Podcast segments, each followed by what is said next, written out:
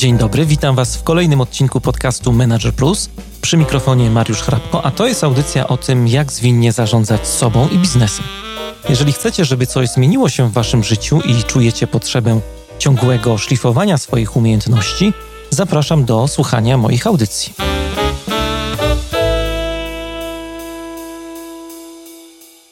To jest podcast Manager Plus. Dzisiaj y, w audycji będziemy rozmawiali o tak zwanych progresywnych organizacjach, organizacjach, które stawiają na radykalne samozarządzanie pracowników, e, wsłuchują się w siebie, odkrywają taki swój ewolucyjny cel, można powiedzieć, dbają o środowisko pracy, w którym każdy czuje się jakoś tak psychologicznie bezpiecznie.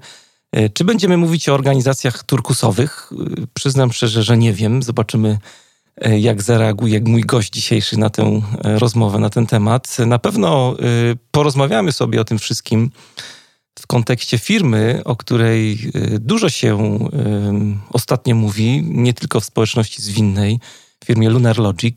Dlatego też w moim wirtualnym studiu moim waszym gościem jest dzisiaj Paweł Brodziński, który można powiedzieć jest prezesem firmy Lunar Logic no takim prezesem, e, no właśnie, jak wejdziecie na stronę Lunar Logic, to tam e, znajdziecie taką nietypową nazwę dla tego prezesa, bo e, sprawdzałem i jest Chief Cook and Bottle Washer.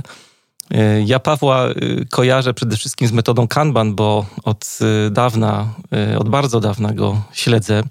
Słuchałem go na różnych konferencjach, jak jeszcze opowiadał właśnie o tej metodzie pracy czytałem, to był chyba jeden, jeden z pierwszych blogów, które czytałem, brodziński.com. E, no a dzisiaj fascynuję się tym, co robi w swojej e, organizacji i jak pod, powiedział przed rozmową, dużo się zmieniło w tym temacie, bo możecie posłuchać w sieci różnych jego wypowiedzi na ten temat. No ale o tym za chwilę. Witam Cię, Pawle, bardzo serdecznie. Cześć Mariusz, witam wszystkich. No to powiedz może na początek, jak to się stało, że od tego kanbana trafiłeś do y, progresywnych organizacji. Ja tą nazwę używam. Zdaje się, że to jest twoja nazwa, bo przeczytałem ją, użyłem ją właśnie gdzieś tam w kontekście wpisu na twoim blogu i bardzo mi się spodobała. E, e, to trochę tłumacząc, tłumacząc dlaczego progresywna organizacja na początek mhm. E, jest ileś koncepcji, trendów, które się pojawiają w zarządzaniu, w teorii zarządzania które, czy, czy, czy, metod wręcz, niektóre są certyfikowanymi no. metodami, no. które, które w, w, dużej mierze e, budują na tych samych filarach. I, i z, takich, z, takich metod e, jedną już wymieniłeś, czyli Turkus, e, mamy holakrację, mamy socjokrację e, i nie wiem na ile to jest interesujące, ale w wielu tych przypadkach wydaje mi się, że dla autorów nazwa jest ważniejsza niż, niż e, to, co za nią stoi. E, a, a, ja świadomie nie chcę mówić o, o turkusie, ja nie chcę mówić o holakracji, ja nie chcę mówić o socjokracji. E, stąd zacząłem używać takiego, takiego sformułowania zastępczego i. Żeby się trochę odkleić od tych wszystkich pomysłów. Tak, tak, tak, żeby mówić, żeby mówić nie o, nie o, o brandzie, tylko o tym, co naprawdę ważne, o, o, o pewnych wartościach czy pryncypiach, które, którymi te progresywne organizacje podążają. No z tymi, z tymi brandami też jest taki problem, y, to pewnie też obserwujesz na rynku, że bardzo szybko z jakiegoś pomysłu, podejścia, filozofii robi się nagle produkt, który właśnie, tak jak zauważyłeś, ma certyfikację już rusza cała machina sprzedażowa. E, cały kościół powstaje taki, który ewangelizuje później za odpowiednie pieniądze. Dokładnie. I, i, I to jest też, e, e, bo z, z, zacząłeś pytać od, o, od, e, o Kanbana. I to jest, to jest dokładnie ta sama historia również tam. Mhm. A historia, historia jak, jak, jak można przejść od Kanbana do progresywnych organizacji, jest w gruncie rzeczy historią tego, jak, obserw- jak obserwować rzeczy dookoła, nie być przywiązanym do tych, do tych labelek, do tych e, brandów mhm. i zastanawiać się, co można zrobić lepiej. Bo e, ja bardzo dużo rzeczy wokół Kanbana robiłem, kiedy jeszcze byłem e, w swojej poprzedniej organizacji i tam zwyczajnie mierzyliśmy się z takimi bardziej um, przyziemnymi, nazwijmy to problemami, e, problemami związanymi z efektywnością pracy zespołów. I tutaj Kanban e, na wielu poziomach, bo, bo nie tylko na poziomie zespołów, ale również na poziomie zarządzania portfolio projektów, okazał się być bardzo, bardzo przydatnym, bardzo użytecznym narzędziem. I potem zdarzyło się tak, że, że wylądowałem w zupełnie innym środowisku, zmieniłem firmę na, na Lunara, który był firmą dużo mniejszą. E, natomiast e, jedną z rzeczy charakterystycznych dla Lunara jest to, że od, od samego początku, od 2004 roku, Lunar był firmą bardzo, powiedzielibyśmy, agile'ową. Mhm. I okazało się, że, e, że wcale nie potrzeba się tak bardzo skupiać na tej efektywności pracy, bo, bo ten taki duch, duch lean czy duch agile, on jest bardzo mocny. I wcale właśnie nie musimy wymyślać metod typu Kanban, czy stosować metod typu Kanban, bo te zespoły już, już e, działają e, efektywnie, nawet jeżeli e, nie podążają za, za praktykami czy pryncypiami opisanymi w ramach, w ramach Kanbana. Natomiast znajdując się w takim środowisku, jakby ja, ja, ja zadaję sobie pytanie, no to dobrze, to, to co można lepiej? I, I trochę początkiem tej drogi było, e, to jest taka historia, czasem ludzie mnie pytają, no to jak to się stało, że doszliśmy do takiego punktu radykalnej samoorganizacji czy radykalnej autonomii? Jaki był plan? No więc nie było planu. E, e, to była prosta obserwacja, co można, co można zrobić lepiej, skuteczniej.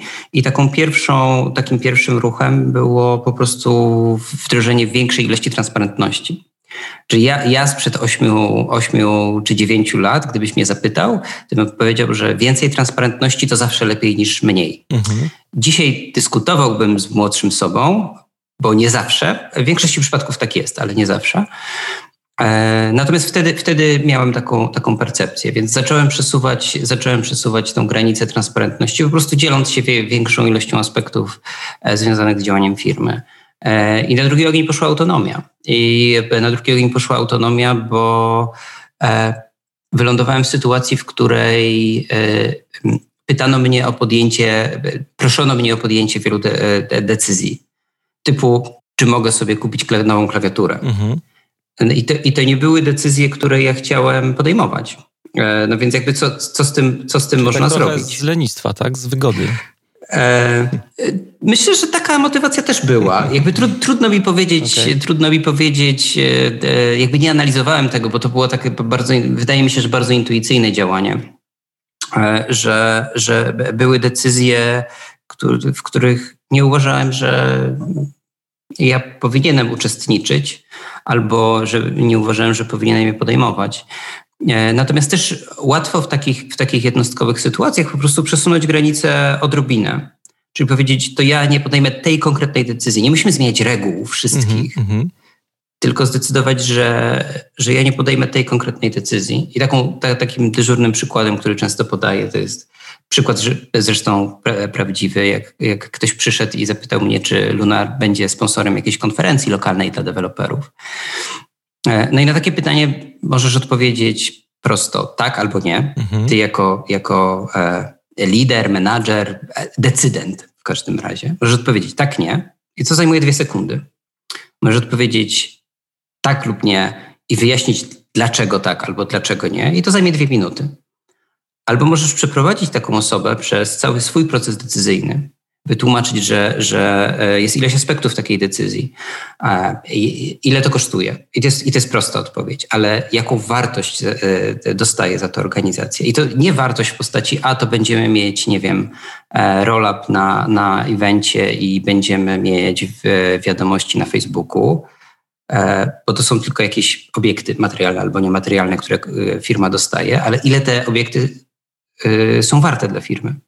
Jeżeli klienci Lunara e, e, są w zachodniej Europie i w Stanach Zjednoczonych, to reklamowanie się na evencie, który się odbywa we wschodniej Polsce, e, nawet jeżeli dostaniemy reklamę, to ona nie będzie, nie będzie specjalnie wartościowa. Mhm.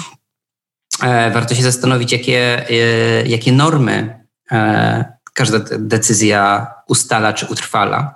Jeżeli dzisiaj decydujemy, że sponsorujemy konferencje, lokalne konferencje deweloperskie, to łatwiej w przyszłości jest takie decyzje podejmować, że sponsorujemy. Jakby, jakby definiujemy normę. Jeżeli wydamy e, określoną pulę pieniędzy na na tego typu aktywność, to możemy się zastanowić, czy to jest najlepszy sposób na wydanie tych pieniędzy. Czy nie lepiej tych, tych kilkuset złotych nie, nie, nie wydać na wspólne wyjście na piwo z zespołem? Czy, czy tam nie będzie więcej mhm. wartości? I, jakby, i, i, I przeprowadzenie osoby przez taki proces to jest 20 minut, to już nie jest 2 minuty, to już 20 minut. Ale wtedy jakby z czystym sumieniem możesz powiedzieć, dobrze, to teraz wiesz wszystko to, co ja wiem. Teraz ty możesz podjąć e, równie, dobrą, e, równie dobrą decyzję. I to, jest, I to jest taki prosty krok. Prosty, wymagający cierpliwości, ale prosty, e, nie, nieryzykowny. No bo co najgorszego może się stać? Tak, firma wyda 500 zł w nie najmądrzejszy sposób, jakby z perspektywy całorocznego budżetu taka jedna decyzja nie ma mhm. absolutnie żadnego znaczenia. Natomiast kiedy zaczynasz tak działać, to, to potem łatwo wejść w taki schemat, że tą granicę przesuwasz coraz dalej. Czyli coraz częściej widzisz, że to wcale nie ty musisz podjąć decyzję, to wcale e, nie ty potrzebujesz zatrzymać dla siebie wszystkie informacje, też żeby wrócić do transparentności i te granice przesuwasz coraz dalej.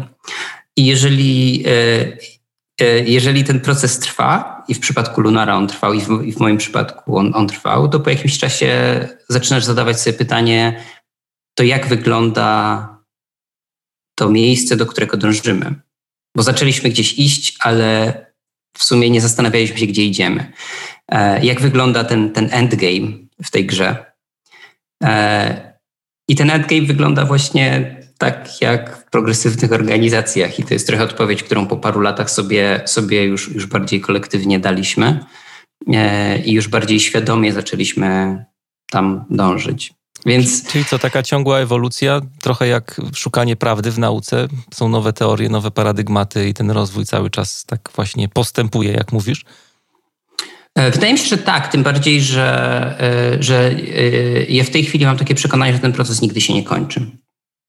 W takim sensie, że, że e, e, jest taki bardzo popularny mój tweet, e, gdzie po czterech latach tej transformacji napisałem, że we are done.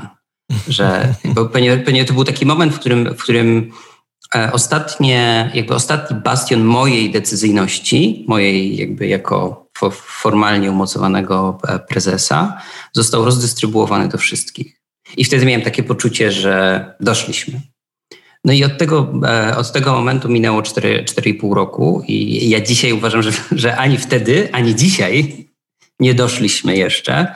I co więcej, nie mam, nie mam oczekiwań, że dojdziemy. W sensie to, to już jest e, w tej chwili to już jest e, podróż, która się nie będzie kończyć, bo nawet jeżeli wszystkie zasady czy reguły mówią o tym, no to dobrze, każdy może decydować o, o wszystkim, w uproszczeniu, no to, to potem jest jeszcze pytanie, ale rzeczywiście, czy wszyscy czują się na tyle swobodnie i pewnie, żeby, żeby decydować o wszystkim?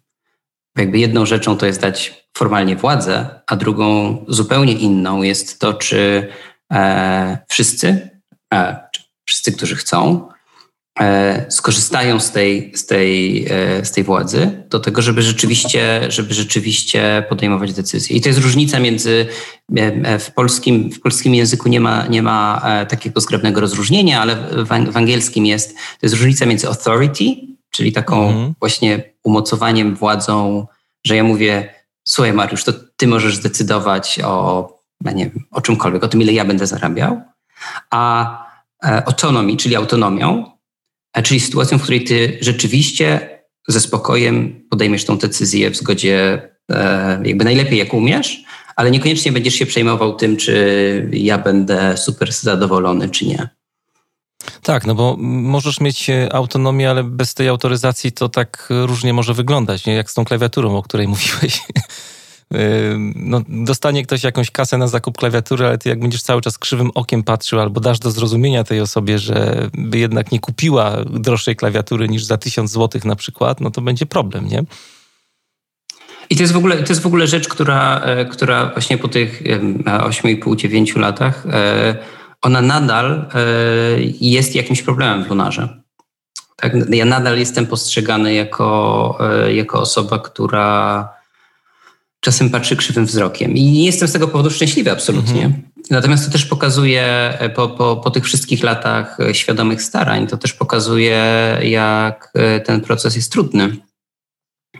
I, to, I on jest trudny dla, dla obu stron i mogę powiedzieć też z perspektywy swojej jako, jako lidera, e, że mierzenie się z sytuacjami, kiedy ja wiem, jaka jest dobra decyzja, a ktoś podejmuje inną, jest niesamowicie trudne emocjonalnie. W sytuacji, kiedy rzeczywiście tą samą organizację przesuwamy tak e, do bardzo e, radykalnych, bardzo ekstremalnych e, miejsc, to mówimy o sytuacji, kiedy na przykład w Lunarze z osób mających doświadczenie w zarządzaniu firmami historycznie, na takim poziomie, nie wiem, zarządzania finansami, współdecydowania czy decydowania o strategii, takim, takim wysokopoziomowym zarządzaniu organizacją, tworzenie kultury, jakby współtworzeniu kultury czy projektowania kultury organizacyjnej, no to mamy jedną osobę. A jednocześnie w te wszystkie trudne, ciężkie decyzje chcemy włączyć wszystkich. Również osoby, które, nie wiem, właśnie kończą studia i nigdy się nie uczyło o zarządzaniu, bo kończą mhm. studia techniczne, nie? Więc jakby różnica i w doświadczeniu, i w wiedzy e, bywa, bywa gigantyczna. I to też jest trudność, bo to oznacza, że, że te decyzje czasem będą złe i to jest część tego środowiska. No ty używasz takiego y, słowa, gdzieś tam się spotkałem, jak, jak y, przeglądałem internety, które jest trochę, tak porównuję do jakiegoś buddyjskiego koanu, który trzeba przepracować że właśnie ta moc decyzyjna stażysty jest taka sama jak y, twoja, więc to jest taka, y, takie zdanie, takie, takie twierdzenie, które mocno otwiera oczy albo budzi sporo sprzeczności gdzieś tam w myśleniu o tym całym pomyśle osób, które nas słuchają pewnie teraz. E, no i to jest, i tu, tu trochę wrócę do, do, do, tego, do tego rozróżnienia, o którym mówiliśmy, nie? Mm. Czyli, czyli jaka jest formalnie, co, co formalnie możesz zrobić, a co rzeczywiście robisz. I jakby formalnie nie ma, nie, nie ma żadnej różnicy między, między stażystą, który dołączył do nas przedwczoraj, a, a, a mną. Jakby każda decyzja, którą mogę podjąć ja, może podjąć też, też, e, też stażysta. Natomiast realnie to nie jest tak, że przychodzisz do Lunara i, i w swoim pierwszym tygodniu pracy decydujesz o wynagrodzeniach swoich kolegów i koleżanek, decydujesz o dużych, e, wielodziesięciotysięcznych wydatkach i tak dalej. No i tutaj, i tutaj bardzo fajnym, fajnym wyjaśnieniem, dlaczego tak jest, jest e, wytłumaczenie, jak działa kultura organizacyjna. Czy w ogóle jakakolwiek kultura, kultura grupy. Jeżeli dołączasz do nowej grupy, jeżeli dołączasz do nowej organizacji, będziemy mówić o kulturze organizacyjnej, to z jednej strony wpływasz na tą kulturę, jakby wnosisz siebie, swoje przekonania, poglądy, zachowania, mhm. to wszystko, co, co e, steruje tymi zachowaniami. I ponieważ dołączasz to do puli zachowań, to wpływasz na tą pulę zachowań. A kultura organizacyjna w uproszczeniu to jest suma zachowań wszystkich osób w grupie plus to, co steruje tymi zachowaniami, czyli te nasze wartości, przekonania i tak. Więc z jednej strony wpływasz na kulturę, e, na kulturę organizacyjną, ale z drugiej strony kultura organizacyjna wpływa na ciebie. Jak przychodzisz do nowej e, firmy, e, to najpierw w sposób naturalny obserwujesz, bo jest ileś reguł, ale nie wszystkie z mhm. reguł opisanych formalnie są rzeczywiście egzekwowane. Poza tym jest mnóstwo reguł niepisanych i norm. Więc wchodząc do nowej grupy, do, w, naszy, w przypadku, który nas interesuje, do nowej firmy, e, przez pierwsze tygodnie czy przez pierwsze miesiące obserwujesz. I tutaj podaję, też podaję taki, taki przykład, który e, nie dam głowy, że się zdarzył, ale to bardzo prawdopodobne, że się zdarzył. Wyobraź sobie, że, że dołączasz do Lunara i w twoim, nie wiem, drugim tygodniu pracy e, wchodzisz do, do kuchni na lunch i widzisz mnie pijącego piwo do lunchu. Nie, to jest taka sytuacja, że z jednej strony to jest nie piwo. w Niemczech. Tak, nie jesteśmy w Niemczech. E, I, I, to jest taka sytuacja, że z jednej strony to jest piwo, nie? Jakby, jakby można, można jakby różną um, wagę przyłożyć do tego, jak bardzo to jest alkohol. E, z drugiej strony to jednak jest alkohol, nie? I mamy, mamy społeczną, w Polsce mamy społeczną normę, że jednak alkoholu w pracy nie pijemy. I teraz, i ty możesz mieć, jakby w tym swoim drugim tygodniu pracy, widząc mnie robiącego coś takiego, możesz mieć nawet jakieś, jakieś swoje przekonania na ten temat, czy to jest ok, czy to nie jest ok. Ale najprawdopodobniej to, co się stanie, nie, e, nie wypowiesz się na bazie tych konkretnych przekonań swoich indywidualnych, tylko rozejrzysz się po kuchni i zobaczysz, jak inni reagują. Inni, inni mogą reagować na zasadzie, jak sobie otworzę to piwo, na zasadzie przewrócenia oczami, nie? I wtedy będziesz miał taki sygnał, o, pewnie Paweł tutaj ma, korzysta z jakiegoś specjalnego przywileju, pewnie jakby ktoś inny otworzył piwo, to, to, byłby, to byłby problem. E, albo jak ktoś będzie wystarczająco odważny, to skomentuje, tak, jakoś krytycznie i wtedy będziesz wiedział, nie, to zachowanie jednak nie jest okej. Okay. E, albo to po prostu będzie uznane jak e, za tego, te, tego, tego samego typu zachowanie, jakbym sobie kanapkę wyciągnął, nie? I wtedy będziesz wiedział, ej, to, to zachowanie jest powszechnie akceptowane, nie? Nikt, nikt z tym tutaj nie ma problemu. I najprawdopodobniej to, co się stanie, to zachowasz się w zgodzie nie ze swoim własnym wewnętrznym przekonaniem, tylko z zaobserwowaną postawą. Z konkretną normą, mhm. która, e, która, która jest i to, i to też jakby zbuduje twoje, twoje zachowanie. Więc wchodząc do dowolnej organizacji, jakby ta organizacja bardzo, e, bardzo wpływa na Twoje zachowania. I im większa organizacja, tym, tym bardziej wpływa w stosunku do tego, jak Ty wpływasz na nią. Nie? Jeżeli mówimy o zespole dwuosobowym, no to Twój wpływ będzie, będzie w uproszczeniu, to będzie połowa zachowań. Nie? A jak mówimy o zespole dwudziestoosobowym, to to będzie już tylko 5%. I, e, i teraz ponieważ następuje ten proces takiej socjalizacji, e, to pierwszego dnia, czy pierwszego tygodnia, czy pierwszego miesiąca niesamowicie rzadko się zdarza, zdarza sytuacja, że ktoś nagle e, e, wchodzi w, ten, w tą autonomię i mówi, to ja, to ja, wam, wszystkim, to ja wam wszystkim powiem, co się, co się tutaj będzie działo i jak będziemy decydować. Bo też i, i zdarzyła się nam taka sytuacja, że, że, że mieliśmy taką osobę, bo też w, taki, w, w, w, takim przypadku y, spotyka się z bardzo mocną odpowiedzią e, w stylu, ale słuchaj, poczekaj, poobserwuj, dowiedz się, jak to działa, bo jedna rzecz to są spisane reguły, a druga rzecz to są normy. No i, i, i jakby możemy ci powiedzieć, słuchaj, to się nie uda, e, ale możesz też, i, i możesz nam uwierzyć albo nie, ale możesz też po prostu poobserwować, jak się pewne rzeczy odbywają i będziesz bardziej w sposób taki w zgodzie z sobą dojdziesz do podobnych wniosków. I to jest, i to jest różnica. I ten jakby przejście przez, przez, ten, przez ten proces takiej właśnie takiego oswojenia się z systemem, dla jednej osoby to będą miesiące, a dla innej osoby to będą lata i, i, i nie, ma, nie, nie, nie ma dobrej odpowiedzi, ile to ma być. To ma być tyle, żebyś ty się czuł, że jesteś gotowy podjąć ryzyko, na przykład decydując o czyimś wynagrodzeniu albo o swoim wynagrodzeniu. Bo to już są decyzje wrażliwe, które dotyczą tak naprawdę wszystkich, nie? Bo na, na liście płac wszystko jest powiązane ze wszystkim. O, płace to za chwilę jeszcze sobie tutaj zaczepimy o ten temat, natomiast tutaj mnóstwo różnych y, światełek się pojawiło w mojej głowie i takich punktów.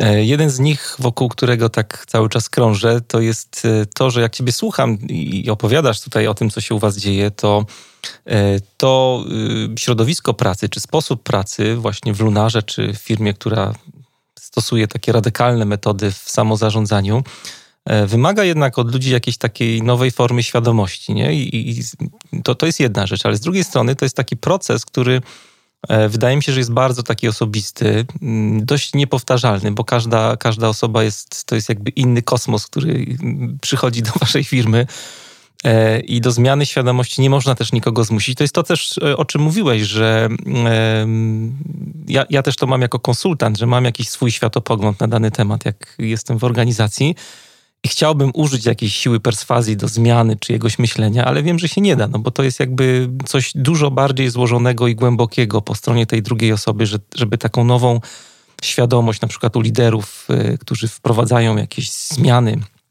Y, no, na innym poziomie trochę, bo, bo nie, nie pracuję z organizacjami, które tak radykalnie podchodzą do samozarządzania, ale na przykład na poziomie zespołów y, ta zmiana świadomości liderów jest bardzo potrzebna. No i tak sobie myślę, że jedyną rzecz, ty o tym trochę wspomniałeś, którą można zrobić w całej tej sytuacji, żeby jakoś tak inwazyjnie nie, nie, nie uprawiać jakiegoś nacisku do zmiany y, świadomości ludzi, jest to, żeby pracować nad środowiskiem pracy, nie? To, które tutaj trochę tak zacząłeś opisywać i opisujesz y, środowiskiem, które ma pomóc tym ludziom, żeby jakby przechodzić ku nowym etapom tej swojej świadomości. Być może niektórzy przyjdą. I druga rzecz jest taka, że jeżeli masz takie środowisko, to ten proces, którym, o którym powiedziałeś, e, bardzo mnie to też tak osobiście fascynuje i Odkryłem kiedyś takiego autora jak Robert Kegan, on też e, pojawia się w książce Lalu na temat tego, jak zmienia się, jak, jak rozwija się nasz umysł. On jest psychologiem rozwojowym i on jako jeden z pierwszych w ogóle przeprowadził ponad dwudziestoletnie badania e, i zauważył, że nasz mózg jest neuroplastyczny i tam, to było jedno z większych odkryć w ogóle, też dzisiaj się o tym dużo mówi. No ale druga taka rzecz y, wiąże się z rozwojem tego umysłu, nie? Bo jeżeli przychodzi taka osoba do twojej firmy, tak jak mówisz, i, i obserwuje sobie waszą kulturę organizacyjną, to ten proces socjalizacji to jest taki proces, który e, dotyka, on to nazywa umysłu społecznego, czyli jakby szukamy porozumienia, e, próbujemy się jakoś odnaleźć w tej waszej organizacji, próbujemy się jakoś obwąchać z grupą, w której się obracamy, i nasze takie y, wewnętrzne ja próbuje się dopasować do tego, z czym w tym środowisku no, jakoś się musimy zidentyfikować i pozostać wobec niego lojalnym. Ale jeżeli ty w swojej firmie, a z tego co mówisz, to tak jest, stworzysz takie środowisko, które daje ludziom dużo bezpieczeństwa psychologicznego, e, to przypuszczam, bo taka praca, takie radykalne samozarządzanie też wymaga od ludzi E, takiego bycia mikroprzedsiębiorcą, to przypuszczam, że oni nie będą tylko cały czas się identyfikować z tą grupą, tylko e, w pewnym momencie z tego takiego umysłu społecznego przejdą e, do takiego umysłu, Kegan to nazywa indywidualistycznego, czyli oni jakby pod, będą potrafili się mimo waszej kultury i tych norm, które macie, też oderwać się od tego wszystkiego, oderwać się od wpływów środowiska, no bo po to, żeby jakoś samodzielnie, samodzielnie myśleć i w jakiś sposób też tą waszą organizację tak od środka e, rozwijać. No, system przekonań, wartości, o których wspomniałeś, taka zdolność też do ustalania granic e, swoich, to też jest ważne w takich socjalnych różnych relacjach.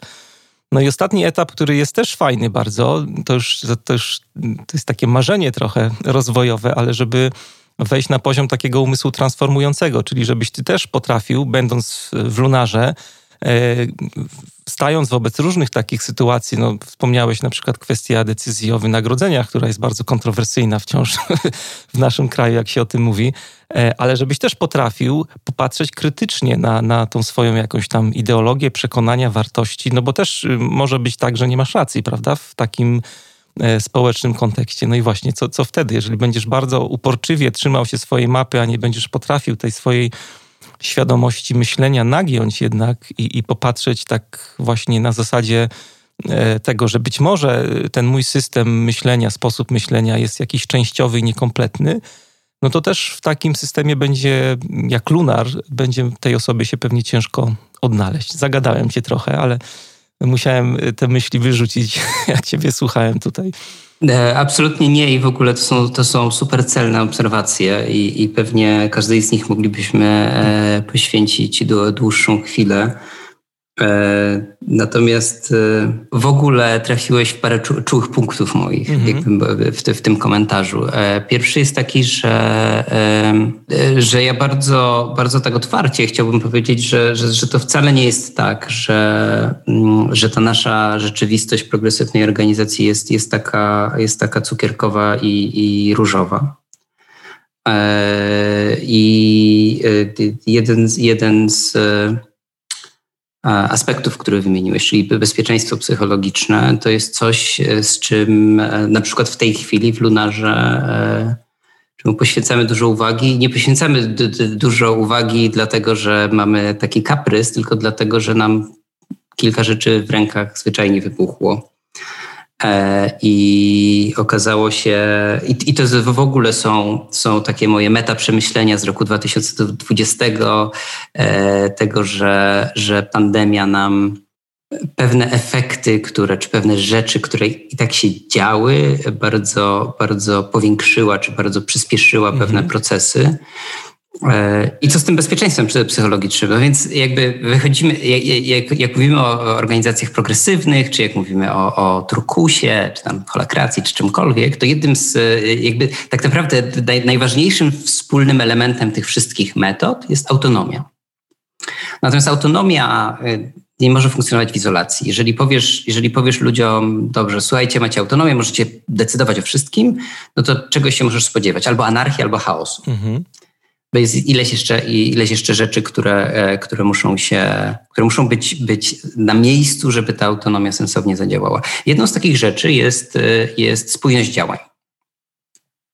I e, tutaj źródłem, źródłem tego modelu jest, jest w ogóle to taka, taka koncepcja, którą e, Lelu moim zdaniem fatalnie opisał, e, gdzie on jako przykład takiej typowej command, organizacji command and control podawał armię, gdzie, gdzie armia, przeciętna armia na początku XX wieku jest bardziej, ma lepiej rozdystrybuowaną autonomię niż przeciętna korporacja na początku XXI wieku.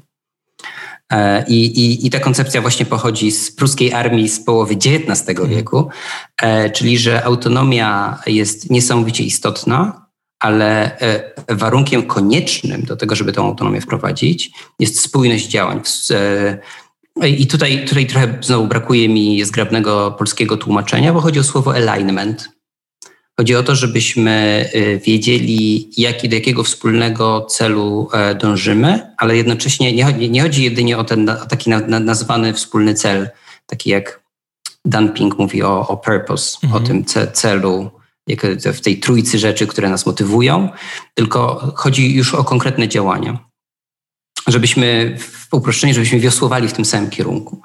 I teraz, jeżeli, jeżeli nie mamy tej, tej, tej spójności działań, a dajemy autonomię, to może się okazać, że e, w teorii, że każdy ciągnie w trochę w innym kierunku. W praktyce to nie jest tak, że każdy ciągnie w innym kierunku, tylko pojawiają nam się określone grupy, które ciągną, e, mogą ciągnąć, e, mogą ciągnąć w różnych kierunkach, mogą mieć różne potrzeby i mogą w sposób naturalny ciągnąć organizację w takie miejsce, w którym to moje potrzeby, czy potrzeby osób z mojej bańki są zaspokojone. E, a już nie jest mi tak łatwo empatyzować, nie wiem, z osobami z innych grup. I, e, i wtedy może się okazać, że, że z tym bezpieczeństwem psychologicznym jest trudniej. Jeszcze trudniej, jak nagle się znajdujemy w sytuacji, kiedy nie widzimy się. Pracujemy wszyscy z domu, nagle mamy odcięte te wszystkie takie losowe interakcje, że się mijaliśmy w korytarzu, w kuchni, na kawie, i tak dalej. I coraz bardziej widzimy się jako konto na Slacku, a coraz mniej jako takiego żywego, e, żywego człowieka. E, I, no i to jest jedna z rzeczy, która nam, e, która nam się porozjeżdżała. Natomiast winię brak właśnie tej, tej, spójności, tej spójności działań, który, która spowodowała, że że gdzieś tam w tej organizacji takiej autonomicznej ileś rzeczy nam się porozjeżdżało, nawet nie tak, że fundamentalnie wszyscy źle funkcjonujemy, tylko zaczęły się tarcia, e, których praźródłem jest to, że ciągniemy w różne, w, w różne strony, a ciągniemy w różne strony, bo na początku sobie nie powiedzieliśmy wszyscy i nie zgodziliśmy się wszyscy, że chcemy iść tam albo gdzieś indziej. E, więc i to też jest, i to też jest super spójne z tym, co powiedziałeś o tym o, umyśle indywidualistycznym. Tak, o tym, o tym e, bo, bo jakby wchodzimy, wchodzimy do organizacji, więc socjalizujemy sobie kulturę, ale potem, jeżeli, jeżeli wchodzisz do takiej organizacji, w której brakuje tej spójności działań, e, a jednocześnie jest duża autonomia, to dostajesz przestrzeń e, do tego, żeby właśnie w tym umyśle indywidualistycznym się gdzieś tam, gdzieś tam zakopać i zacząć się zastanawiać, tak, tak trochę parafrazując, nie? Co, mhm. co, co firma może zrobić dla ciebie, a nie co ty możesz zrobić dla firmy. I oczywiście jakby ja tutaj jestem bardzo daleki od, od, od, e, od użycia tej metafory, że to pracownicy są dla firmy, natomiast e, gdzieś moja, moja, moja wewnętrzna wiara jest taka, że, to, że ten że ten kontrakt ma dwie strony i obie strony powinny na tym kontrakcie wygrywać, a jeżeli któreś nie wygrywa, to, to czas się rozstać. Mhm. E, I, i, I, pracownicy, w szczególności w branży IT, akurat z tego prawa korzystają, e, korzystają e, bardzo często, no bo też są w sytuacji, w sytuacji uprzywilejowanej. Jak, jak, jak w naszej gospodarce się pojawił rynek pracownika, to stwierdziłem, o, wszyscy, wszyscy nagle zaczęli czuć to, co my w IT czujemy od 20 lat. A macie dużą rotację w firmie? Ludzie odchodzą? E, to też jest ciekawe pytanie, bo jak, jak porównuję statystyki, e, to powiedziałbym, że mamy, e, że mamy średni staż pracy pracownika taki około, około dwa razy dłuższy niż, niż taki standard branżowy. Czyli, czyli jesteśmy w bardzo, powiedziałbym, uprzywilejowanej pozycji. Natomiast tak, ludzie odchodzą. I, i to jest też ciekawa rzecz. Jak, jak, czytasz, jak czytasz na przykład e, e, Reinventing Organizations Lalu, mhm. e, ale też jak, jak, jak, jak, jak czytasz historię różnych transformacji e, organizacji, to tam się pojawia taki, taki jeden, wspól, jeden el, wspólny element historii. Organizacje, które się transformują z takiego klasycznego modelu hierarchicznego do modelu progresywnego, e, zazwyczaj tracą pomiędzy 10 a 20% załogi ze względu na transformację. Czyli, i, i zresztą Lalu o tym, e, wydaje mi się, pisze wprost w, w, swojej książce, że, że jest grupa ludzi, którzy nie chcą się odnaleźć w takiej formie e, pracy. I, I ja to rozumiem, bo ta forma pracy wymaga pewnych, e, pewnego dopasowania się do pewnego mindsetu. Jeżeli ktoś chce, żeby po prostu otrzymać prostą informację, co ja mam dzisiaj wykonać, wykonać to jak najlepiej i zamknąć za sobą drzwi pracy i realizować się w życiu w innych obszarach, e, to organizacja progresywna może być trudniejsza. I, te, i, i ta statystyka między 10 a 20% to to też jest historia Lunara. Między 10 a 20% e, nas e, odeszło w czasie transformacji, przez, czy wkrótce po niej przez transformację. Mhm. E, cytując transformację albo wprost, albo nie całkiem wprost, jako jeden z. Jako powód, tak? Jako jeden z istotnych powodów odejścia. Mhm. Natomiast to, czego wydaje mi się nie przeczytasz nigdzie, to jest to, że że jak ta transformacja trwa, albo ona się już, jakby ta formalna jej część się zakończyła i e, organizacja zaczyna funkcjonować już w oparciu o, o ten nowy paradygmat, opierający się autonomię, E, I bardzo często jakby jest duże wsparcie ludzi do tego, że, żeby, żeby tak było. Po jakimś czasie jakby okazuje się, że to też nie jest, to te, też nie jest tak, że to jest szybko, łatwo i przyjemnie, że wszystko się da i że na przykład, i znowu to jest, to, to jest historia Lunara, że podejmowanie niektórych decyzji jest po prostu trudne. Jest obciążające emocjonalnie, jest wymagające czasowo. I pojawia się taki sentyment, to ja już, to, to ja już nie chcę to ja chcę, żeby, ja chcę mieć znowu tego menadżera nad, nade mną, który po prostu wykona to jako swoją pracę. Będzie podejmował te decyzje, lepiej albo gorzej, ale ja nie będę tym obciążony. I teraz to jest. E, e, trudno mi na tym etapie powiedzieć, czy to też powiedzmy będzie to między 10 a 20%, czy to w ogóle będzie fala, ale e, i tak jak mówię, to jest coś, czego moim zdaniem nie przeczytasz nigdzie, już w takiej dojrzałej, progresywnej organizacji to też się pojawia jako argument za odejściem. I takie sytuacje w Lunarze zaczynają nam się zdarzać już powiedzmy 4, 4 czy 5 lat później, że ludzie, którzy nawet na etapie transformacji byli jakby byli zadowoleni, chcieli to robić, dochodzą do wniosku, że nie, jednak, jednak to jest trudne i wolałbym, wolałbym inaczej. Rozumiem. I to też jest historia jednej z, firm, które, które znam, która aspirowała do tego, żeby być turkusową. Więc ludzie dostali władzę, dostali autonomię i e, większość zespołów pierwszą decyzję, jaką podjęło kolektywnie autonomicznie, to wybrali sobie nowych menadżerów, żeby ci menadżerowie podejmowali za nich decyzje. No tak, bo jak masz taki otwarty system, to możesz jakby wprowadzić stare reguły gry, nie? W bardzo prosty sposób. E, tak. E, tak, przy czym, e, przy czym też jeżeli, system, jeżeli uszanujesz system, to e, ta władza taka menedżerska nie jest, nie możesz zakładać, że ona jest dana na zawsze. Tak, czyli nawet jeżeli cię zespół wybierze, to teraz, to teraz ty będziesz za nas podejmował decyzję, to, to jeżeli ten, ten system rzeczywiście będzie uszanowany, a nie był tylko fasadowy, to musisz się liczyć z tym, że ten mandat do podejmowania decyzji może wygasnąć w dowolnym momencie, bo zespół powie, e nie, jednak źle, jednak źle podejmujesz decyzje. To nie są decyzje, które chcemy, żebyś podejmował, więc nie wiem, chcemy, ale chcemy kogo, in, kogo innego albo chcemy inaczej. Ja rozmawiałem a propos tego, co wspominałeś tutaj yy, wcześniej. Yy, rozmawiałem z jedną firmą z Holandii, która właśnie od lat stosuje holakrację i właśnie dowiedziałem się, że jakby jeśli chodzi o sposób pracy, to tak jak mówisz, to jest trudniejsze niż dla liderów. Jeżeli przechodzisz taką transformację, to łatwiej jest jednak stosunkowo e, liderom w organizacji oddać władzę, jakby przekazać autonomię w ręce ludzi, a dużo trudniej jest funkcjonować jednak osobom, które właśnie pracują po tej drugiej stronie, są pracownikami tej organizacji. Trudniej jest przyjąć tą władzę, tą wolność. Wydaje mi się, że ten proces jest trudny w obie strony. I jakby ja e, osobiście mogę powiedzieć, e, e, jak ten proces wygląda z, z perspektywy osoby oddającej władzę krok po kroku, całą, mhm. dużą. Ja, ja wszedłem do Lunara jako, jak dołączałem do Lunara, to wszedłem w buty takiego omnidecyzyjnego prezesa, który podejmował decyzje wszystkie od najważniejszych do, do najmniej istotnych. I z perspektywy jakby kariery menedżerskiej to jest bardzo komfortowe miejsce. W sensie możesz sobie tymi decyzjami kształtować organizację dokładnie tak, jak chcesz. Mhm.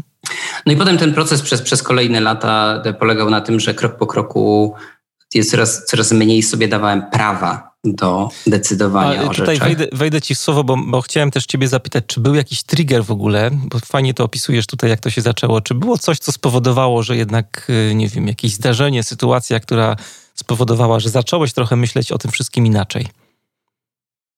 W jakim sensie inaczej? No, że stwierdziłeś, że takie oddawanie władzy, no bo tak jak mówisz, wszedłeś na takich zasadach mhm. E, bardzo tradycyjnych, można powiedzieć. Byłeś takim prezesem, który jest omnipotentny, jeśli chodzi o decyzyjność.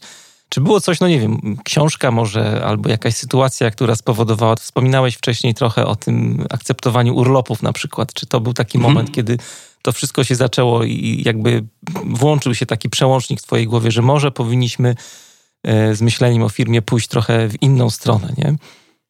Nie, wydaje mi się, że nie. E, że, że jakby nie było takiej iskry, że, że do pewnego stopnia to jest przypadek. E, to jest jakiś tam efekt ewolucji, mhm. której, która przez długi czas nie była planowana.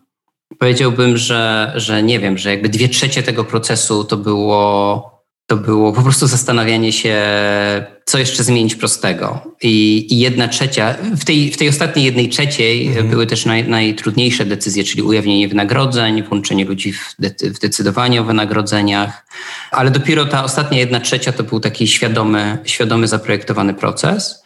E, I, i, I tutaj też e, ja bywam bardzo krytyczny wobec, wobec e, Turkusu i wobec książki Lalu, ale tutaj jakby książka Lalu, tam jest ileś koncepcji, które, które moim zdaniem nie, nie do końca są spójne, ale też jest tam, tam w tej książce jest czyste złoto w postaci historii tych wszystkich firm progresywnych. I, i, na, i na, na, na tym ostatnim etapie książka Lalu stanowiła niesamowitą inspirację e, dla nas. Do tego stopnia, że mamy, że mamy nasz proces decyzyjny jest bardzo zbliżony do tego, co jest w holenderskim Burzorgu. A historię Burzorga pierwszy raz przeczytałem oczywiście w książce Lalu. Znaczy jakby Burzorg jest opisany w każdej książce opisującej progresywne organizacje. Mm -hmm. To jest taki taki e, po, po poster boy e, progresywnych organizacji, więc, więc on, on był i w książce Lalu, i, i jest w Humanocracy Garego Hamela, i jest w, w iluś jeszcze miejscach. No Gary Hamel to taka jest chyba y, moja pierwsza książka, która mi mocno otworzyła oczy. Future of Management, pamiętam, że czytałem. E, dawno temu i no, no, zupełnie inna niż, niż książka Lalu, ale właśnie jakby ten, te systemy są tam pokazane też w jakiś sposób. Nie? To bardzo, bardzo polecam ostatnią książkę Garego, chyba ostatnią książkę Garego Hamela, ostatnią, którą ja przeczytałem, ostatnią, e, czyli tak, Humano... Humanocracy. To jest, e, Humanocracy to jest e, książka w postaci Gary Hamel spotyka Turkus e, i, i jako, jako pozycja taka broniąca się z takiej, z takiej perspektywy bardziej naukowej. Że tak, bo Gary spójności... Hamel, warto powiedzieć, że jest profesorem też normalnie. Tak, więc... tak. Ona się dużo bardziej broni niż, niż, książka, niż książka Lalu. Też jest, też jest sporo przykładów i są też przykłady jakby nowsze, takie, takie do których Lalu nie miał, nie miał dostępu, bo mhm. zdarzyły się po wydaniu jego książki. E, więc, więc bardzo polecam, jeżeli ktoś, ktoś chce e, poeksplorować e, ten temat, bardzo polecam książkę, książkę Gary'ego Hamela ostatnią. No dobrze, to y, wszedłem ci w słowo, y, jak zacząłeś opowiadać o tym y, twoim, twoich początkach z takiego prezesa omnipotentnego, później w kierunku oddawania władzy i y, z tego, co powiedziałeś, to y, tak sobie też pomyślałem, że no bo sporo osób pyta, jak y, pewnie tutaj nasi słuchacze też słuchają tego, o czym rozmawiamy, myśli sobie, jak to wszystko w ogóle zrobić, może jak, jak to wdrożyć. Mówiłeś, że nie ma czegoś takiego jak plan. Bardziej z tego, co mówisz, to jest praca na. E, lubię to słowo, to z holakracji pochodzi tension, czyli takie napięcie, praca na napięciach, nie? Czyli bardziej takie wczuwanie się, wsłuchiwanie się w organizację, próbkowanie y, na zasadzie trochę empiryzmu i rozwijanie ewolucyjne tej firmy. Ale jednak gdzieś tam na początku tej drogi y, rozwój organizacji zależy od przywództwa, nie? No bo wszedłeś do tej firmy i tak naprawdę z tego, co mówisz, to byłeś taką y, główną osobą, która e, podjęła tą taką, y, no nazwijmy to, autorytarną decyzję, e, żeby jednak tę organizację popchnąć w kierunku e, takiego mm, myślenia bardziej progresywnego, radykalnego. E, jest jakoś tak, że y, ten poziom, z którego no, liderzy w organizacji spoglądają na świat, jest też poziomem, na jakim jest ta organizacja. Może się to dziać w sposób świadomy e, albo nieświadomy, nie? I jednak struktura organizacyjna, kultura czy praktyki e, zawsze koniec końców korespondują z tym, w jaki sposób lider sobie radzi ze światem. I tak jak Ciebie słuchałem, to sobie myślę, że no, potrzebny jest ktoś na początku, kto uwierzy w ten nowy świat, w ten nowy system pracy e, i zacznie no, na zasadzie takich nawet właśnie autorytarnych decyzji na początku e, kierować organizację w tą stronę, no a reszta to już jest jakby temat związany z ewolucją, nie? Reszta się już dzieje jakoś tam e, sama, powiedzmy. E, no, no z, z, planem jest tak, że to, że my nie mieliśmy planu, to nie znaczy, że się go nie da mieć. Mhm. E, I, i, I w jakimś sensie ja, ja, ja, potrafiłbym Ci odpowiedzieć na to pytanie. Nie byłoby to prawda. Potrafiłbym Ci to, odpowiedzieć na to pytanie, e, e, rysując Ci precyzyjny plan tego, jak, jak my to robiliśmy.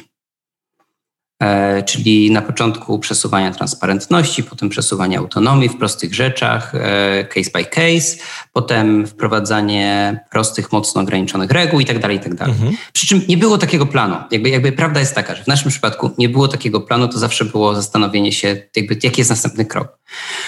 E, co nie znaczy, że nie można spróbować takiego planu narysować. To jest jakby jedna z odpowiedzi. E, I, I, wydaje mi się, że są organizacje, które w ogóle bez takiego planu nie ruszą. Dru, drugi z komentarzy do tego, co powiedziałeś, jest taki, że, że to wsparcie tego, tego naj, naj, najwyższego przywództwa e, mhm.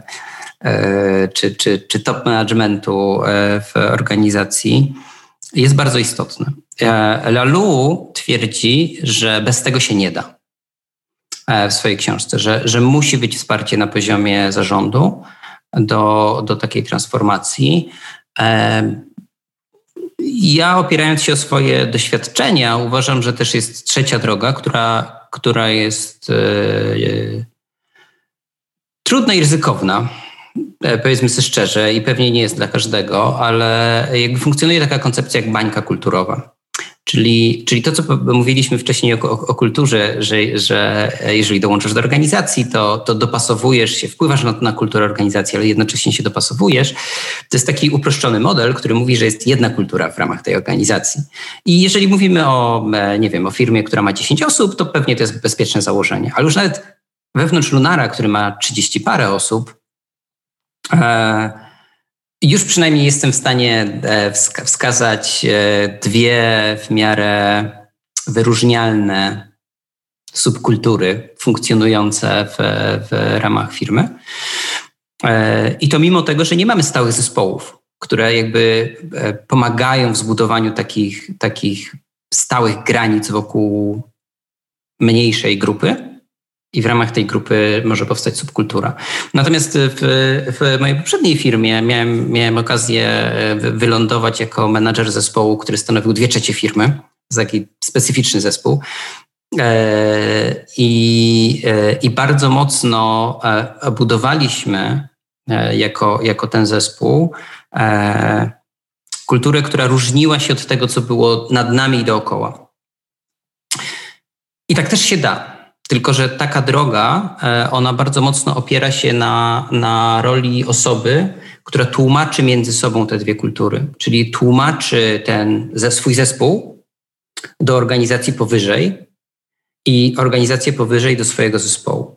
I też trudno wtedy mówić o, e, o takich super e, radykalnych podejściach, no bo jakby mogę, mogę ci podać konkretny przykład, nie? że w, w, w tamtej firmie, mimo tego, że dwie trzecie osób było w moim zespole, jakby ja jednoosobowo nie miałem władzy zadecydować o czyjejś podwyżce.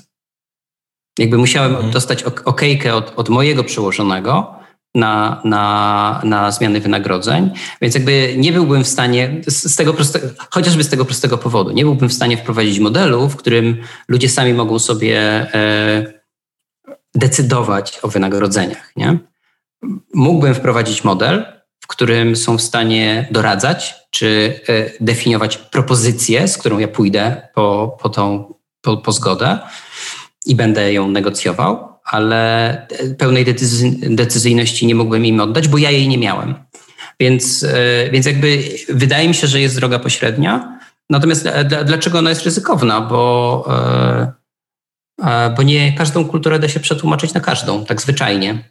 I jeżeli, jeżeli ta jedna, nie wiem, na przykład ta subkultura w zespole odjedzie w jednym kierunku zbyt daleko, e, no to to jest trochę tak jak próba stania na, na dwóch odsuwających się od siebie platformach. W pewnym momencie zrobisz szpagat, a potem z nich spadniesz. Mhm. E, no i to, jest, i, i to też jest moja historia, tak? W pewnym momencie po prostu z nich spadłem.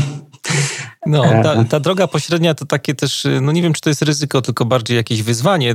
To jest, ja, ja lubię używać słowa gumki, że musisz zakładać różne gumki, które będą to, ten, tą bańkę kulturową łączyły z resztą świata. I to jest takie karkołomne, frustrujące czasami, nie? Bo musisz cały czas budować takie pomosty, które będą was jakoś tam ze sobą spinać. W ogóle jest, dotarłem kiedyś do e, takich, takiej nazwy polskiej. Jest taki profesor z psychologii społecznej u nas, Andrzej Nowak, który mówi o bąblach zmiany, więc mniej więcej to jest to samo, że ten bąbel... Tak, tak. To jest, to jest e, culture, z angielskiego jest culture bubble, więc zakładam, że, że, no. że ja, ja to przetłumaczyłem jako bańka, ale bąbel jest jak najbardziej... Fajny. Okay. I bardzo ciekawe jest to, co powiedziałeś. Y, ja na to zwróciłem mocną uwagę właśnie też w książce Lalu, o, o czym się w ogóle nie mówi, że no jednak dbacie siłą rzeczy, tak jak ciebie słucham, o to, żeby ta kultura y, była jednorodna. Jest to też na swój sposób ważne akurat w takich progresywnych organizacjach. Natomiast może się też tak zdarzyć, y, Lalu na to zwrócił uwagę, a, a z jednej strony wszyscy jakoś wartościują ten turkus, jakby jako najwyższą formę rozwoju organizacji, a z drugiej strony w tej samej organizacji, tak jak powiedziałeś, mogą być różne kultury i, i to nie jest kwestia tylko jakby tego, że tak nie powinno być, tylko że tak jest, no, bo też pamiętam różne takie badania na temat kultur organizacyjnych, gdzie na przykład w bankach były robione takie różne kwestionariusze e, kultury organizacyjnej się okazywało, że na przykład, nie wiem, grupa związana z zarządem miała inną kulturę organizacyjną niż departament, a inną niż zespół, tak jak powiedziałeś, nie? Więc to jest taka rzecz, która no właśnie w jakiś sposób istnieje w organizacjach. Tak samo pewnie tutaj z kulturą taką e, progresywną, natomiast tym wartościowaniem tych etapów, czy Turkus jest najlepszy, to e, ja sobie sięgnąłem kiedyś też, bo bardzo lubię znać kontekst. Nie, nie lubię tak czytać różnych mądrych ludzi bez kontekstu, ale dużo podawał takich inspiracji swoich. W ogóle ten cały jego pomysł jest mocno oparty na mm, książce Kena Wilbera, czy w ogóle na, na, na filozofii Kena Wilbera, tej takiej teorii integralnej wszystkiego.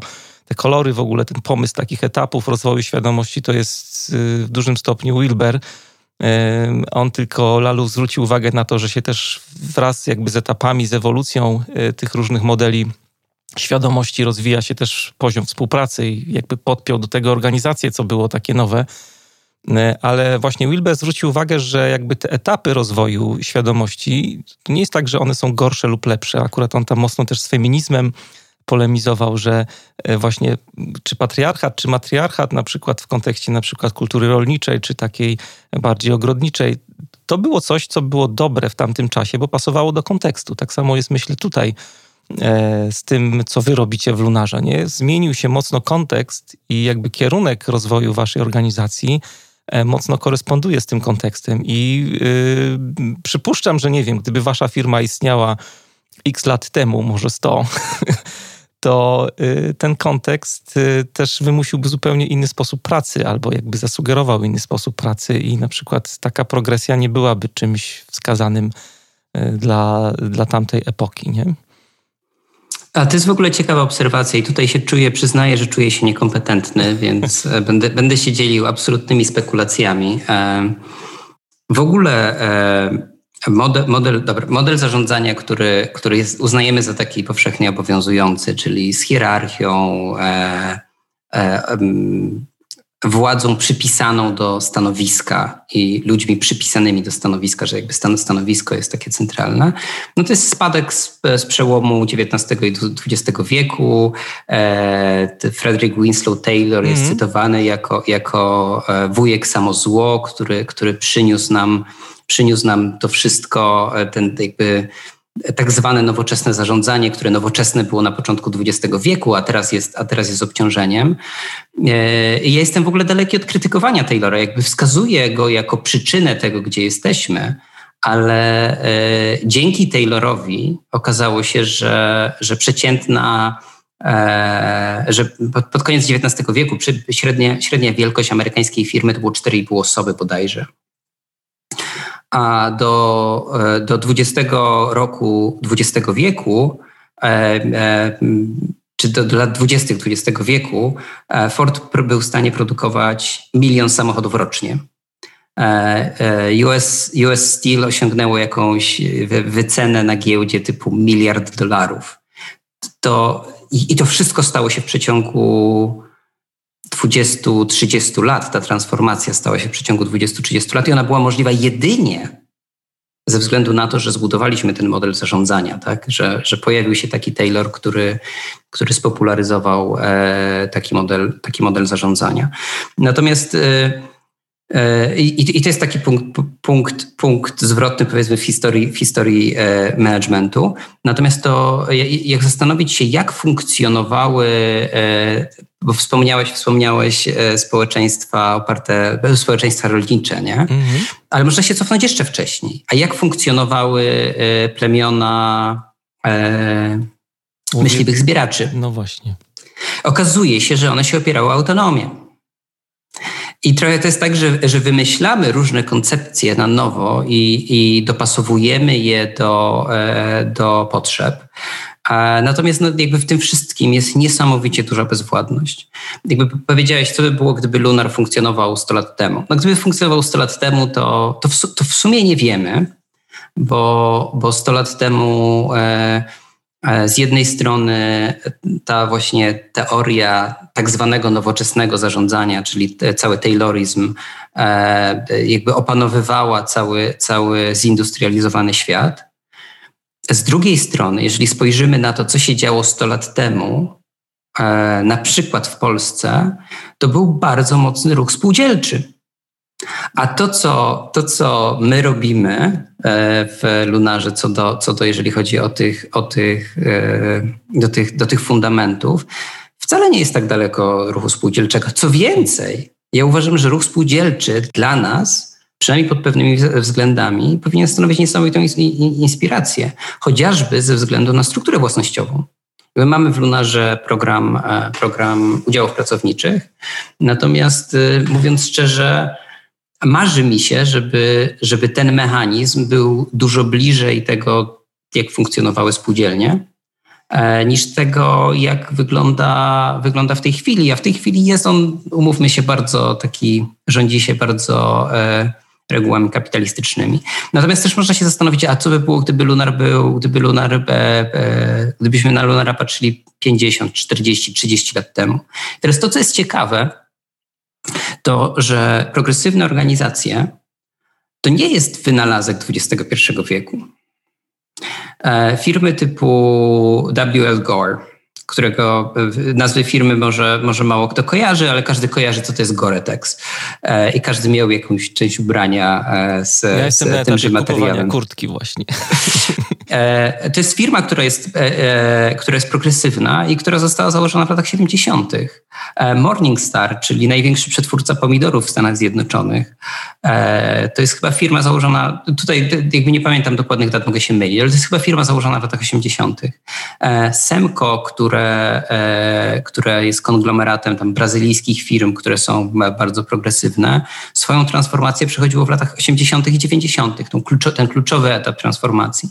Jakby to nie jest tak, że, e, że te koncepcje one są, one są takie niesamowicie nowe, e, tylko w dużej mierze wymyślamy, wymyślamy koło na nowo. I i to, i, I to też jest takie, tutaj też mam takie spostrzeżenie dotyczące jednej z rzeczy, o której Lalu pisze w swojej książce. Bo Lalu, Lalu widzi Turkus jako, jako taką nową falę, przyszłość, przyszłość zarządzania. I ja, ja z tej perspektywy jestem, pozostaję dużo bardziej sceptyczny. E, bo ta, tą przyszłość zarządzania mieliśmy pod nosem w latach 70., czy 80., czy 90., i minęło 20, 30, 40 lat i to nadal nie jest teraźniejszość. E, co więcej, niedawno, niedawno miałem okazję e, współ, współtworzyć taki raport dotyczący przewidywań na rok 2021, 2021 w ramach, w ramach takiego, takiej książki z przewidywaniami przygotowanej przez Free Innovation. I oczywiście pisałem tam o autonomii. I... Linkujemy w, ma w, materiałach do odcinka. Tam jest takie 12 prognoz na 2021 rok, nie? I Paweł jest autorem jednej z nich, więc jak możesz I, się odnieść, i, to super. I w skrócie, e, jakby mój wniosek jest taki, że autonomia tak poszerza się, ale tylko na tym najniższym poziomie zespołów. No bo nagle wszyscy wylądowali, wszyscy pracują, duża część z nas pracuje, pracuje w domu, więc taki, taki typowy, e, pracuje z domu, więc taki typowy command and control jest nierealizowalny. Ale ta cała transformacja organizacji w kierunku bycia bardziej progresywnymi, ona nie następuje, to po pierwsze, a po drugie, e, nawet czasem jest, e, nawet czasem się pojawia krok wstecz bo organizacje, jeżeli na, na, na, takim, na takim strategicznym poziomie, jeżeli się z czymś mierzą, to najczęściej teraz z ryzykiem tego, że muszą zaadresować zmniejszone, problem zmniejszonych przychodów i zwiększonych kosztów. I nikt nie zwraca uwagi na to, żeby, żeby budować, e, budować tą autonomię, bo być może to jest lepsze rozwiązanie dla organizacji na przyszłość. I wydaje mi się, że ten proces e, on będzie, jeżeli trwał, on, on, on był wolny, to przez pandemię on zostanie jeszcze, e, jeszcze spowolniony. Trudno spekulować na jak długo, bo trudno spekulować jak gospodarczo czy ekonomicznie, jak długo będziemy żyli z skutkami obecnej sytuacji, ale, e, ale właśnie ta przyszłość moim zdaniem wcale nie jest, wcale nie jest e, za rogiem. I to też jest trochę podpowiedź. Każda organizacja, która pójdzie w tym kierunku teraz, w moim przekonaniu będzie miała przewagę nad, nad konkurencją. No, bardzo ciekawy jest y, ten twój komentarz, bo y, czy, czy uwaga a propos samozarządzania, bo ja też tak sobie myślę o mm, firmach, które chcą być zwinne. Agile jest dzisiaj bardzo trendy też, to, to na pewno wiesz. E, I jak się popatrzy właśnie na samozarządzanie w tych firmach, to one tak bardziej, jak już dużo mówimy dzisiaj o Lalu, przypominają te firmy takie zielone, ten etap zielony, nie? Czyli mamy upełnomocnienie pracownika w jakimś tam obszarze, na przykład w obszarze zespołu, który ma samo zarządzanie, ale to też jest samo zarządzanie najczęściej w obrębie jakby e, zadań i monitorowania pracy w ramach takiej jednej iteracji, ale to nie jest samo zarządzanie na poziomie na przykład definiowania celu pracy takiego zespołu, bo cel przychodzi z zewnątrz albo e, mimo, że się o tym mówi, to też ten zespół sam się nie projektuje. Mówię tutaj o składzie pod kątem jakiejś tam konkretnej pracy. E, I to jest taka, jakby ciebie tak tutaj słucham, taka jazda trochę też no, na hamulcu, można powiedzieć, nie? No bo mamy firmę, która jest, nazwijmy to już tak bez tych kolorów, tradycyjną organizacją, a w środku jest jakiś obszar, któremu próbujemy dać jakąś autonomię, ale to jest autonomia też y, w obszarze y, konkretnych zadań, konkretnych iteracji, sprintów, które się gdzieś tam wydarzają. I to jest w ogóle niesamowita obserwacja. Jakby sama organizacja na poziomie zespołów, na poziomie takiego e, stereotypowego zespołu siedmioosobowego, plus mm. minus dwie osoby, e, e, która została spopularyzowana przez, przez Agile, okazało się, że, że szeroko się przyjęła że daje bardzo dobre wyniki, że wszyscy są szczęśliwi. Szczęśliwi są ci ludzie, którzy mogą się samo zorganizować na poziomie zespołu. Szczęśliwi są menadżerowie, którzy nie muszą podejmować iluś decyzji. E, czyli zrobiliśmy eksperyment w małej skali. W małej skali, bo tylko na poziomie tych, tych atomowych zespołów zadziałał. Jakie, jaka jest reakcja, tak fundamentalnie, teraz, teraz, teraz jadę uogólnieniem, jaka jest reakcja e, organizacji? A, no dobrze, działa, koniec. Sprawa załatwiona.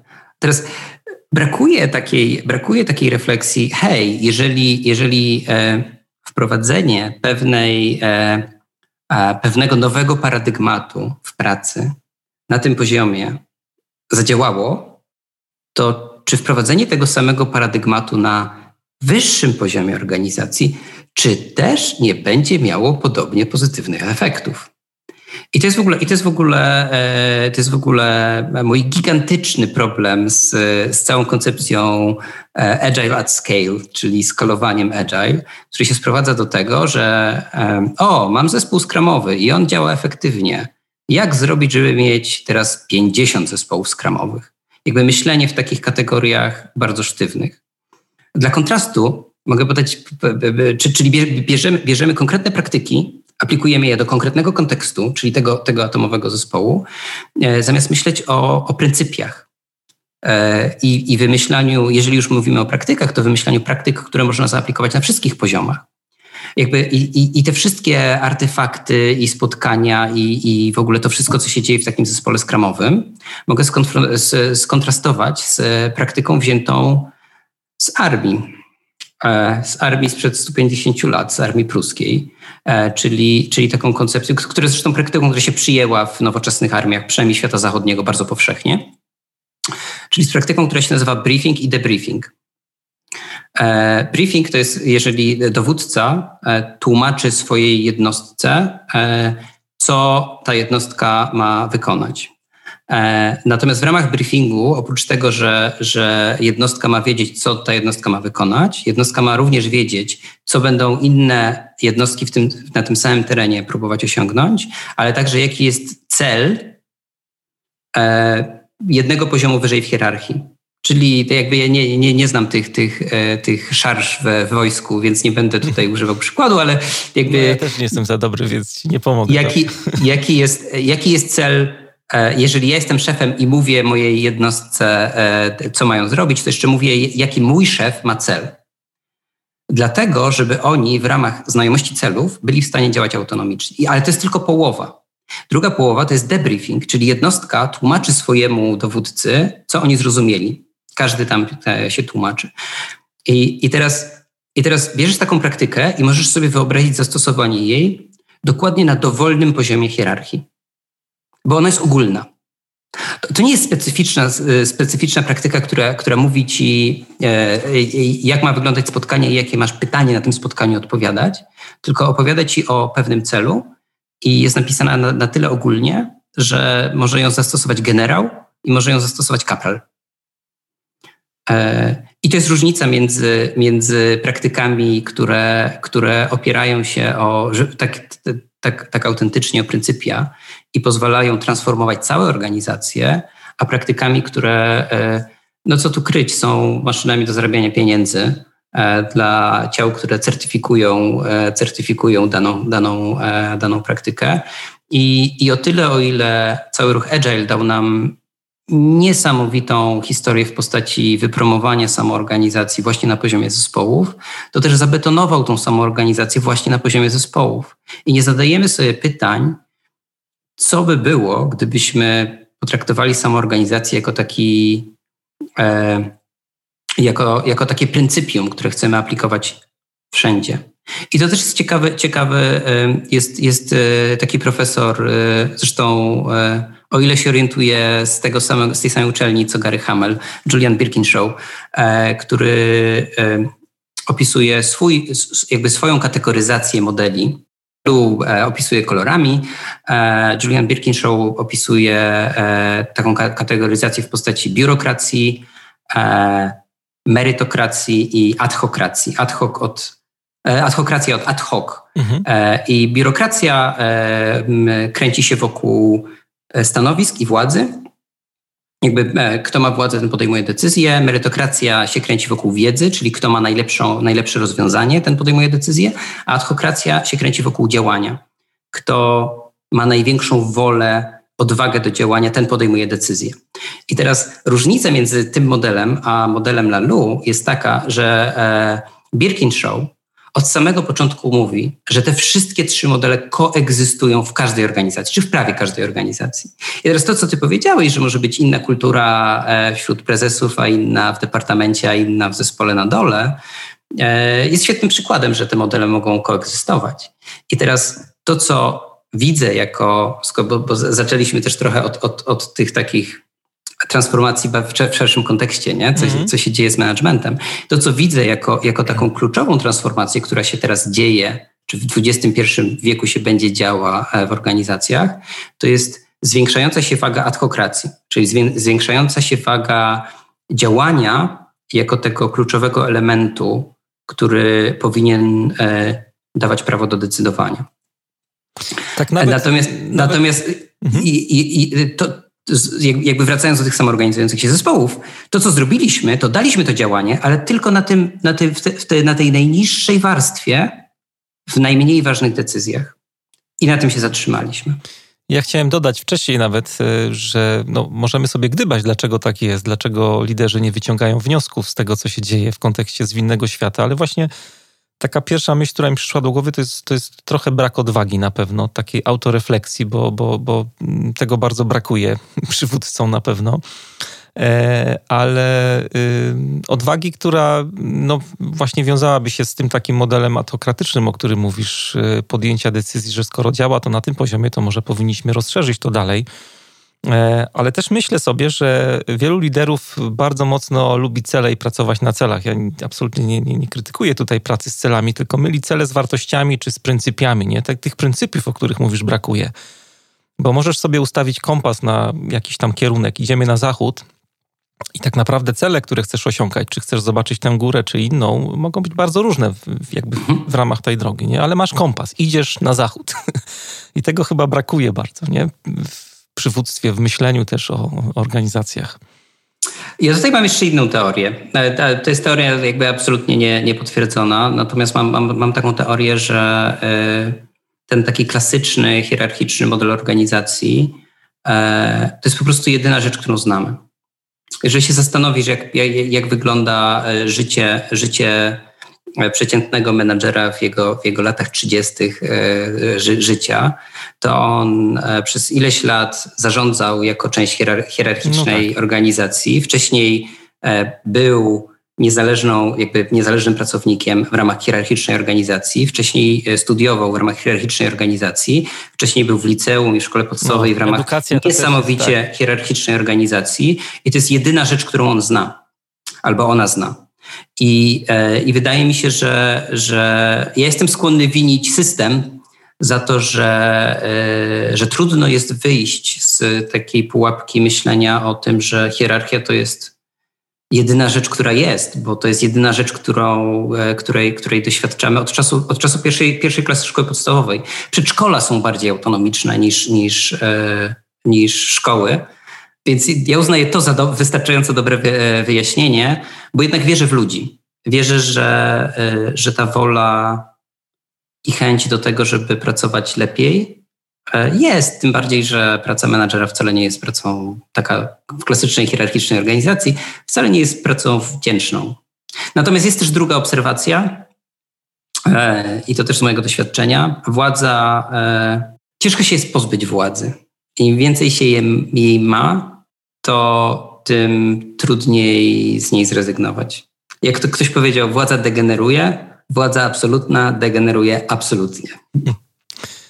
To jest podcast Menager Plus. Dzisiaj moim waszym gościem był Paweł Brodziński. Pawle, bardzo dziękuję za ciekawą, pełną inspiracji, wciągającą rozmowę.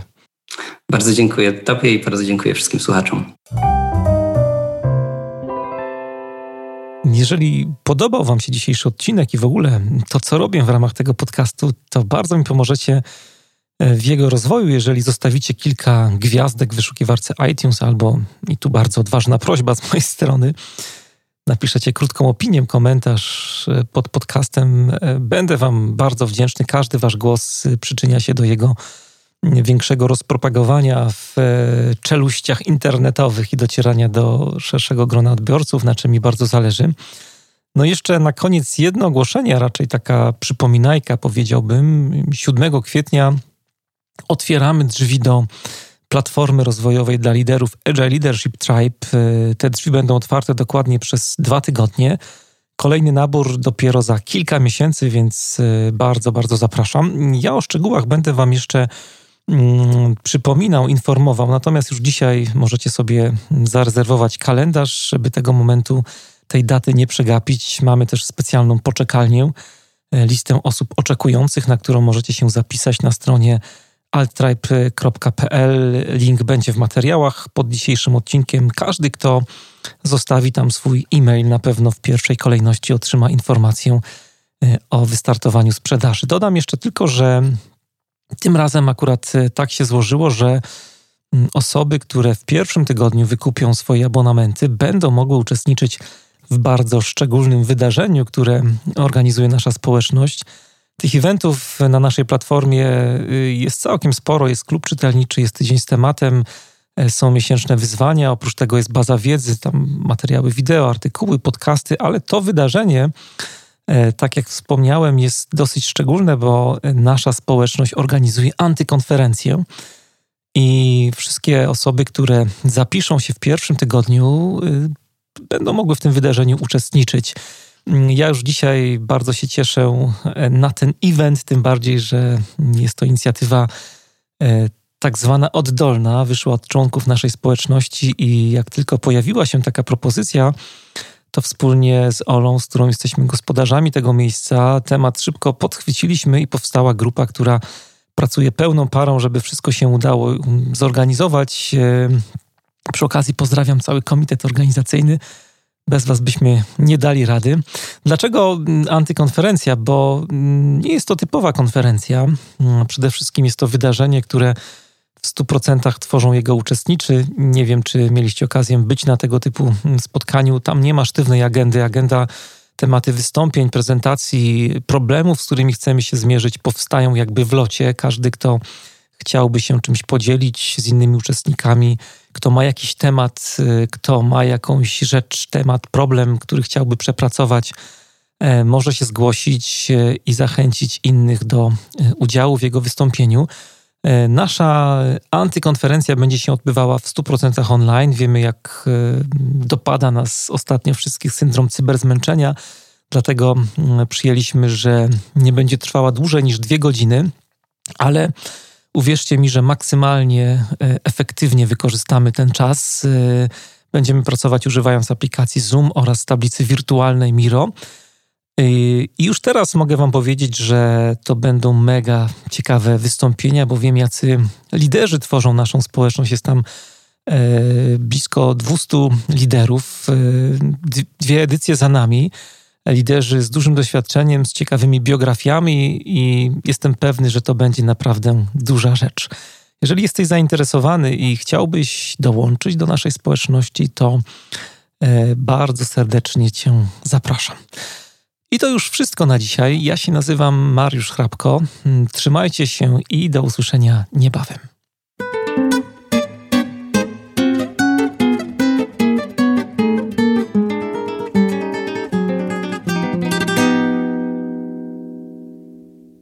Domingo tem rede, ressaque na vizinha tem. Tem roupa no varal e alguém gritando no quintal por seu Gessé. O telefone, minha filha, atenda aí.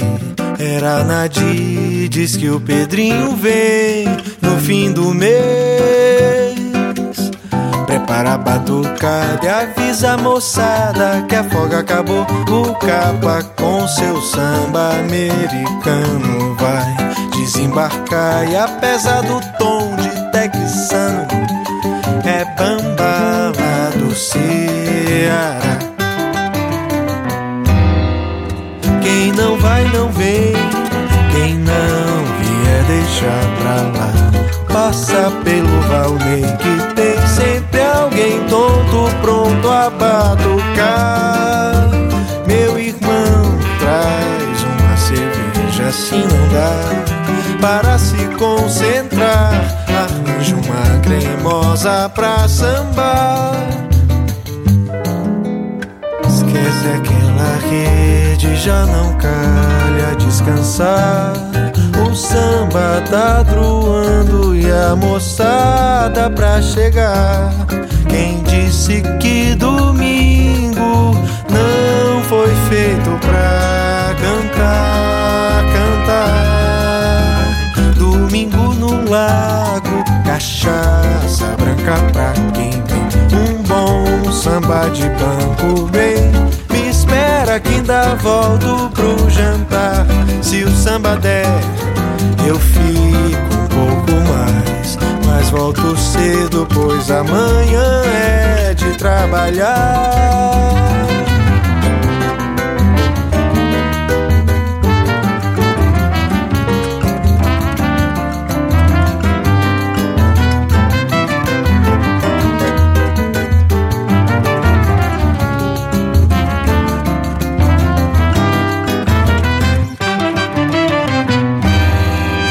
Quem não vai não vem,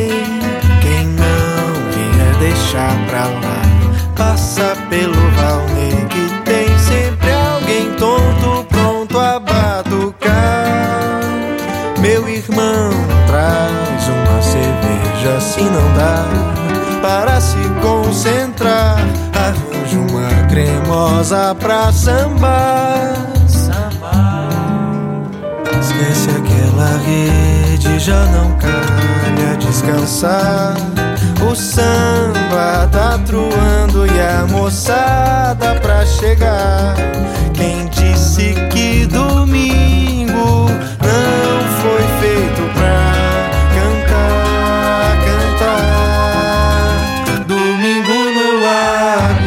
cachaça branca pra quem. Um bom samba de banco bem. Espera que ainda volto pro jantar. Se o samba der, eu fico